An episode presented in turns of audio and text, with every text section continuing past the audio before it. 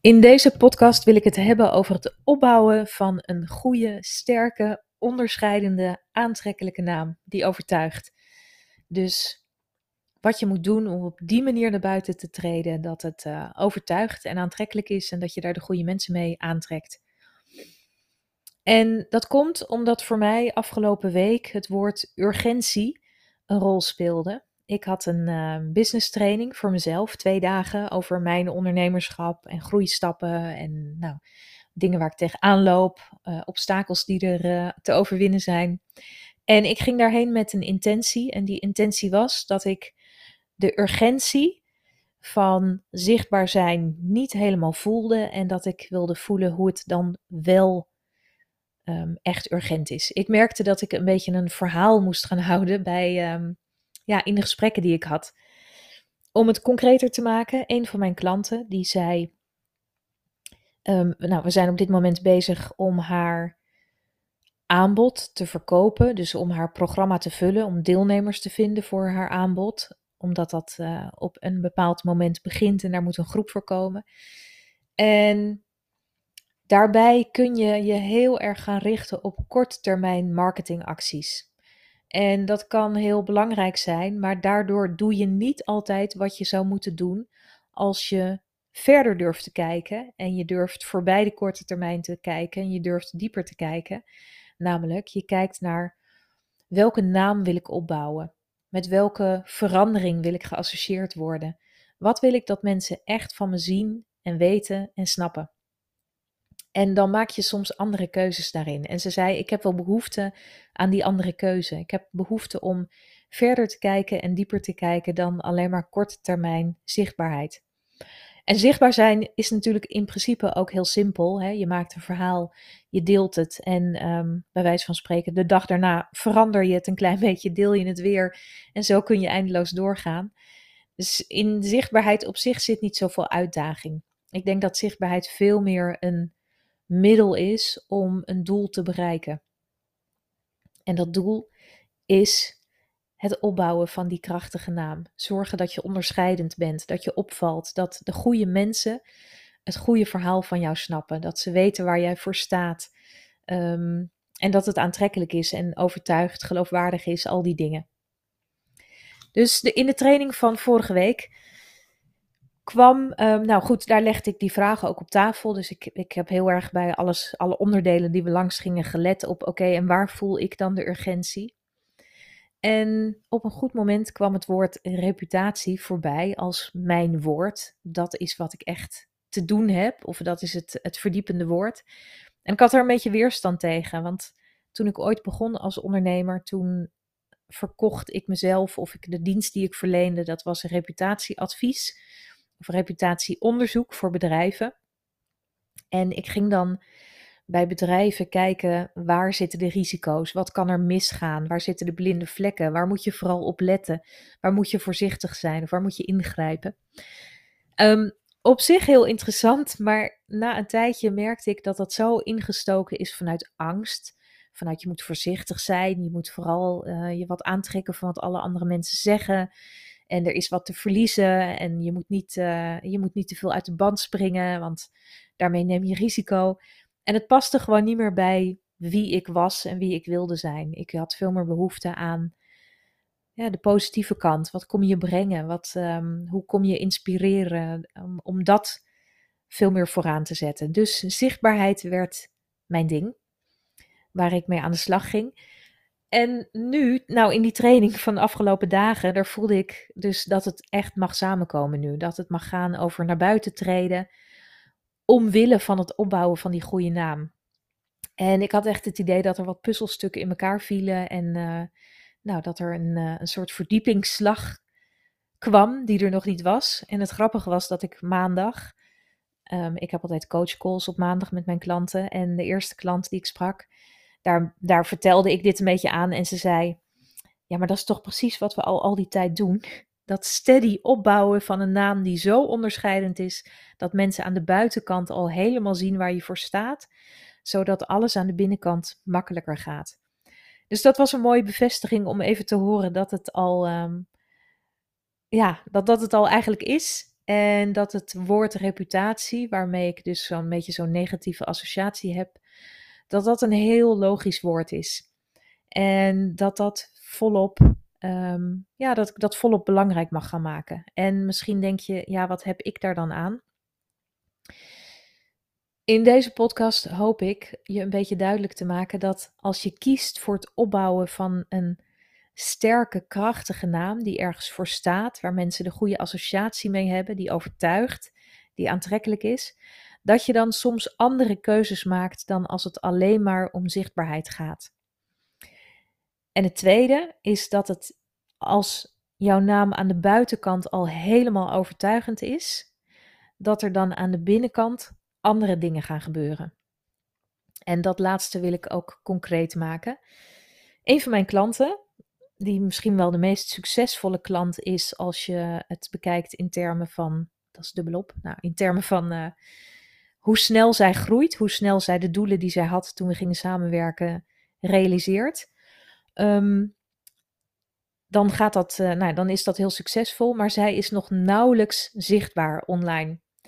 En toen ze bij me binnenkwam, toen zei ze, of toen we begonnen met de samenwerking, toen zei ze: um, Wat ik nu vooral, waar ik nu vooral tegenaan loop, is dat ik gesprekken voer met potentiële klanten. En daarin heb ik het idee dat ik mezelf elke keer opnieuw moet verkopen. Ik moet mezelf presenteren. Ik vind dat heel vervelend om te doen. Het voelt opdringerig. Ik krijg er geen energie van en het werkt ook niet zoals ik zou willen. Nou, het is iemand met een hele specifieke niche. Zij heeft inmiddels klanten in heel Europa. En ja, omdat het zo specifiek is, heeft zij ook een naam die doorverteld wordt. Dus hè, zij is heel goed in wat ze doet. En andere partijen die horen dat ook van elkaar. Maar nou, aan het begin van de samenwerking hebben we gezegd van het is dus heel handig als die overtuigingskracht, maar ook die ervaringen van eerdere klanten, als dat heel erg aan de buitenkant zichtbaar is. En als we die gesprekken die je hebt heel anders in gaan steken. Namelijk niet met het idee van ik moet die andere partij overtuigen, maar met het idee ik mag onderzoeken waar hun behoefte ligt en daar gaan we het over hebben. En in volgorde zijn we als eerste dat gaan doen. We zijn als eerste die gesprekken um, gaan aanpakken, omdat dat de meeste prioriteit had. Dat was het meest logisch, dat lag het meest dichtbij om dat te gaan doen. En um, ja, het is, het is goed om elke keer te kijken naar wat, wat is het meest logisch om te doen? Wat is het meest, de meest vloeiende beweging? Hoe krijg je, hè, hoe kom je dichter bij je doelen? Um, met de stappen die nu al dichtbij liggen. Nou, we zijn die gesprekken dus gaan veranderen. Dus we bereiden die gesprekken samen voor. Dat doe ik met meer klanten. Um, soms bereid ik webinars met ze voor, soms gesprekken, soms verhalen. In haar geval dus gesprekken. En we zijn het om gaan draaien. Dus dat presenteren wat zij deed, dat hebben we er eigenlijk helemaal uitgehaald. En zij is gaan vragen. Dus de gesprekken steekt zij in met zoveel mogelijk te weten komen van die andere partij. Vragen en doorvragen. Dus dat betekent dat zij de gesprekken begint met uh, vragen als: waar staan jullie nu?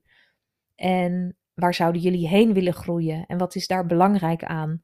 En wat zijn de obstakels die je daarin tegenkomt? Wat is de begeleiding die je daarbij zoekt? En om daar ook in door te vragen op hun antwoorden.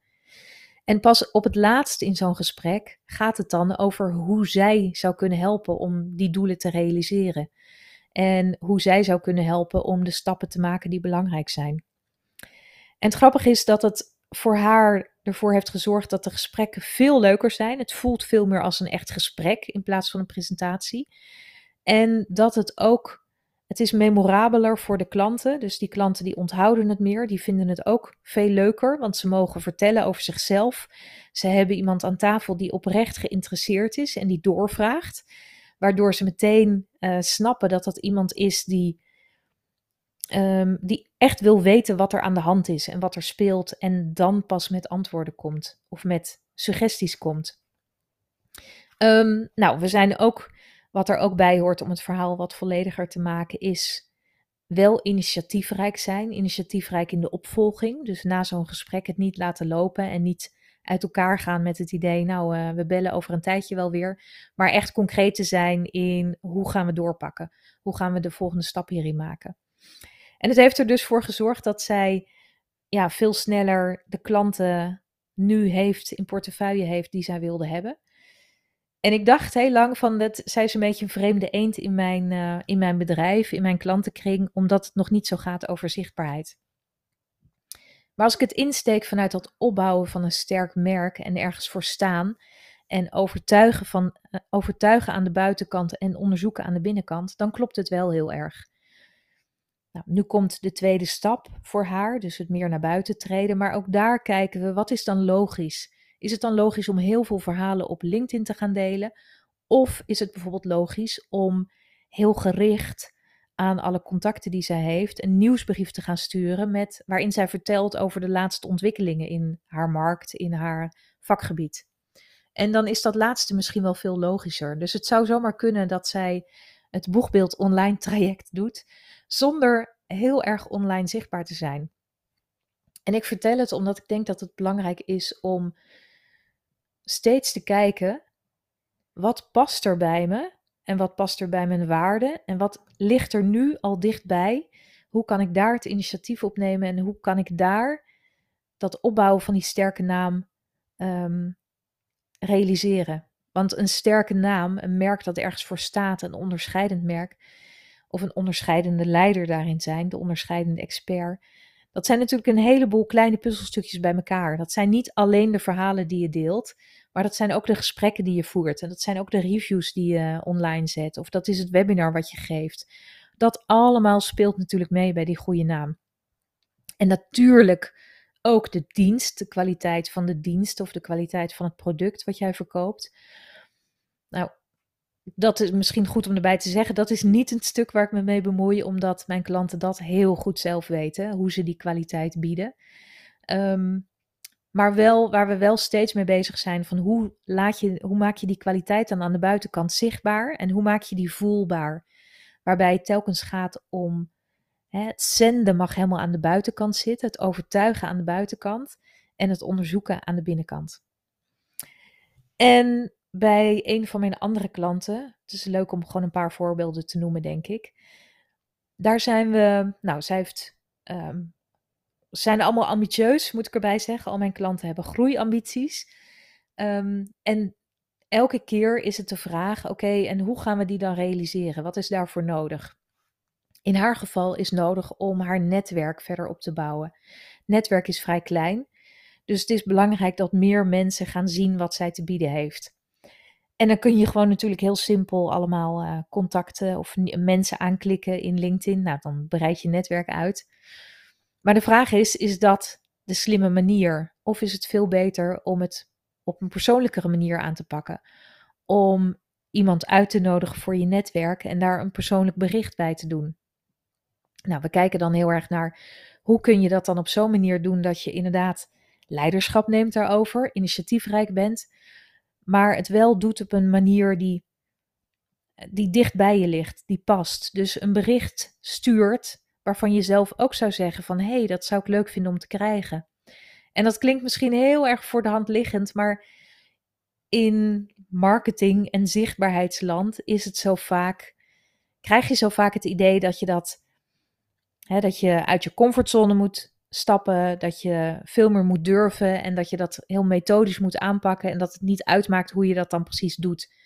Ik heb zelf nou, best wel veel trainingen gehad op dat vlak. Ik heb ook uh, bijvoorbeeld een training gehad bij een Amerikaanse ondernemer, Jeff Walker, over lanceren en over je plek in de markt veroveren. Nou, ik vond de manier waarop hij de verhalen insteekt, hè, wat, je, wat je naar buiten toe zendt, vond ik super interessant, want dat gaat heel erg om het schetsen van een groter perspectief en het laten voelen van een groter perspectief, om aanmoediging, dat soort dingen.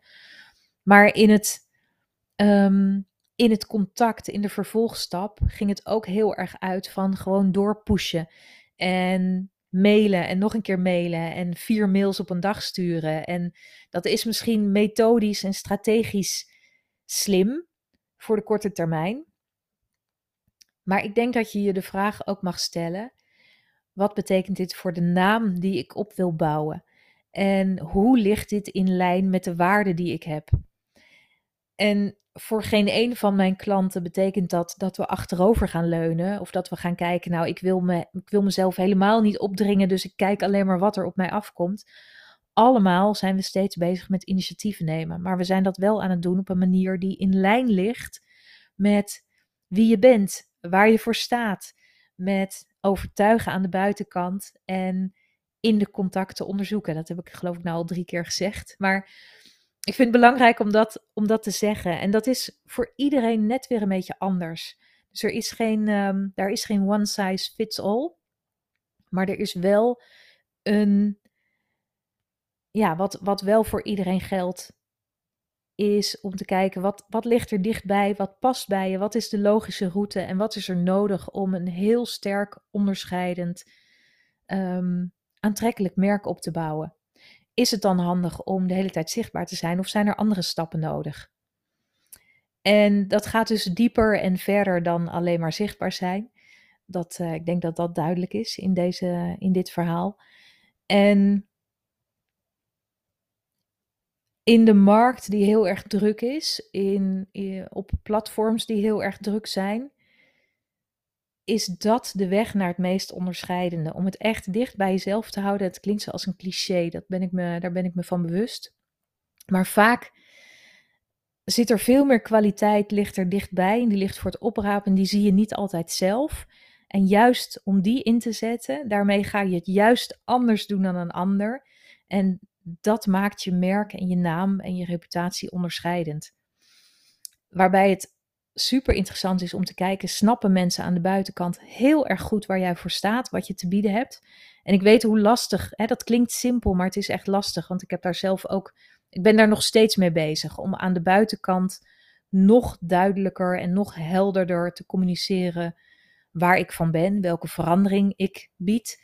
En nou, zoals je al hoort, hè, dat, dat verdiept zich elke keer een beetje. Um, dus dat is, ja, het klinkt eenvoudig en het is, um, het is echt best wel lastig. En zeker als je er zelf middenin zit, dan zie je dat niet altijd. Dan zie je niet altijd wat de verhalen zijn die voor de hand liggen en wat de manieren zijn die voor de hand liggen. En waar je het eerste aan mag werken. Want er zijn natuurlijk altijd fases in ondernemerschap, fases in leiderschap, in het naar buiten treden. En er zijn altijd dingen die logisch zijn om eerst te doen en manieren die passen bij hoe hè, die heel erg in lijn liggen bij hoe jij het kan doen en wie jij bent en wat jij als merk wil uitstralen. Nou, ik hoop dat dit een beetje een duidelijk verhaal was. Um, ik had deze podcast al een keer opgenomen, maar ik heb, hem, uh, ik heb hem toch weer offline gehaald, want ik wil dat nog beter zeggen. Ik hoop dat dat gelukt is, maar ik ga het nu, um, uh, ik ga het hiermee doen. Um, en door naar een kleine serie over wat er dan allemaal, hè, over de aspecten van die goede naam. Um, dat komt, die ga ik volgende week maken. En wel leuk om te zeggen is dat ik op 7 april een live dag hou. En die gaat helemaal over dit stuk, over dat opbouwen van die stevige, overtuigende naam. Om dat steady te doen en onderscheidend te doen. Um, en die dag die heeft de ronkende naam Boegbeeld Online Eendaagse Reputatie Booster. Het is een hele mond vol en die ligt helemaal in lijn met de training waar ik zelf verleden week was. Um, waar bij mij de dingen een beetje samen klikten. Dat zijn um, uh, de coach of de mentor die ik daar heb, coach. Die, uh, die verzint allemaal van dat soort mooie namen. Deze heb ik zelf verzonnen, maar ik, uh, ik heb me een beetje door de cultuur van daar laten beïnvloeden. Dus misschien, ik weet niet of het de beste naam is, maar voorlopig heet hij zo. En is het een mooie, nou, brengt het mooi samen het boegbeeld zijn en ook de reputatie opbouwen. Als je daarbij wil zijn, stuur me dan een mailtje met in de onderwerpregel 7 april. Stuur dat naar team.mariekejans.com en dan zorgen we dat de goede informatie naar je toe komt. Um, gewoon met de informatie waarin je kan zien, is dit een uh, interessante dag voor jou en wat houdt het allemaal in. Er komt ook nog een pagina van online, maar die is op dit moment nog niet af. En uh, ik wil hem wel alvast graag even noemen. Als je wil reageren op deze aflevering, dat kan via de berichtenservice van LinkedIn of de DM van Instagram. Vind ik heel erg leuk om te horen of dit, uh, of dit je aanzet, aanmoedigt om het op jouw manier te doen en om voorbij uh, de korte termijn zichtbaarheid te kijken en om ook dieper te kijken dan dat. Dus laat het me weten en ehm, ik ontmoet je heel graag in een volgende aflevering, in een volgend verhaal.